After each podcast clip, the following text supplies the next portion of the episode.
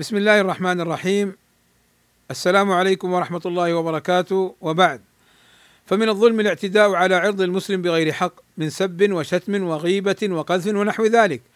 قال النبي صلى الله عليه وسلم لا حرج لا حرج إلا على رجل اقترض عرض رجل مسلم وهو ظالم فذلك الذي حرج وهلك. وقال صلى الله عليه وسلم أتدرون ما المفلس؟ قالوا المفلس فينا من لا درهم له ولا متاع. فقال النبي صلى الله عليه وسلم إن المفلس من أمتي يأتي يوم القيامة بصلاة وصيام وزكاة ويأتي قد شتم هذا وقذف هذا وأكل مال هذا وسفك دم هذا وضرب هذا فيعطى هذا من حسناته وهذا من حسناته. فإن فنيت حسناته قبل أن يقضى ما عليه أخذ من خطاياهم فطرحت عليه ثم طرح في النار.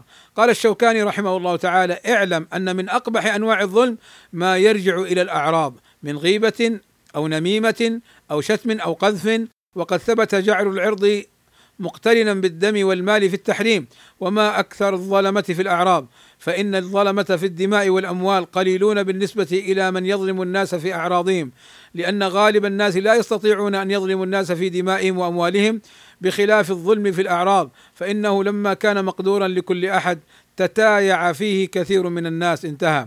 ولا يجوز للمظلوم أن يظلم من ظلمه. قال رسول الله صلى الله عليه وسلم المستبان ما قالا فعل البادئ ما لم يعتد المظلوم. قال أهل العلم معناه أن إثم السباب الواقع بين اثنين أو من اثنين مختص بالبادئ منهما كله إلا أن يتجاوز الثاني قدر الانتصار فيقول للبادئ أكثر مما قال له فلا يجوز للمسبوب أن ينتصر إلا بمثل ما سبه ما لم يكن كذبا أو قذفا أو سبا محرما لأسلافه.